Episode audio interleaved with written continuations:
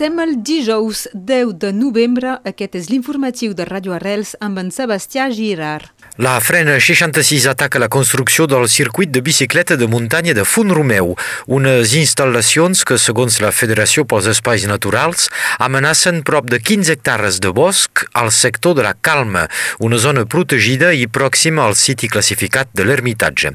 El projecte, portat per la Comunitat de Comunes del Pirineu Català, preveu la construcció de quatre pistes de BTT. Les obres ja han començat sense que s'hagin fet els estudis d'impacte.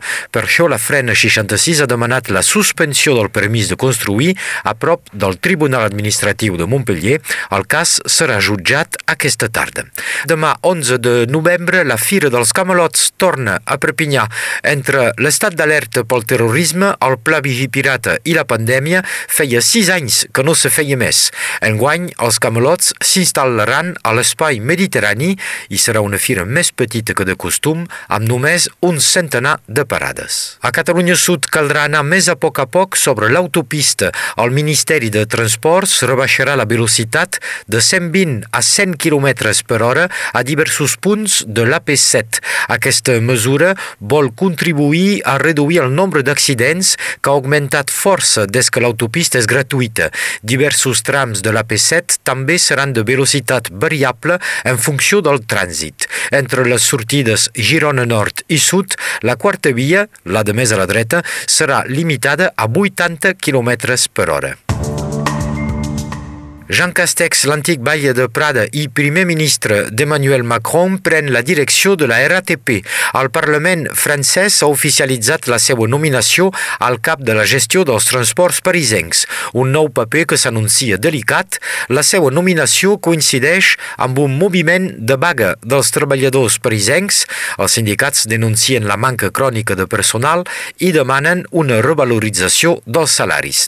Sempre a l'estat francès, la Fiscalia obre una enquesta sobre el comitè d'organització de la Copa del Món de Rugby a 15, França 2023. Ahir dimecres, la gendarmeria va escorcollar els despatxos del comitè a París.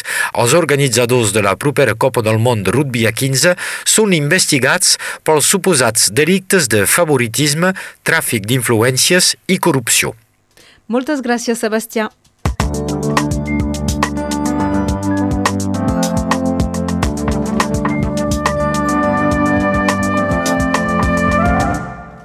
Passem ara a l'informació del temps amb Meritxell Cristòfol.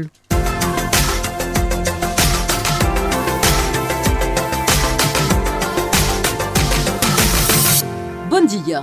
Avui es preveu un temps assolellat i poc vent. Les ràfegues màximes no haurien de despassar 20 km per hora a la plana i a la costa. Malgrat uns quants núvols, hauríem de tenir, doncs, un dia bastant lluminós, amb temperatures dolces, 22 graus a Perpinyà, 21 a Calça, 20 a Elna, Sant Cebrià i Cotlliure, 19 a Serret, 15 graus a Prada, 13 a Oceja i 10 10 graus a Caudies de Conflent i a Matamala. Aquesta tarda el sol s'apondrà a dos quarts de sis. Avui celebrem Sant Lleó i el Gran i Sant Justí. I acabem amb el refrany del dia, novembre calent, maig gelat.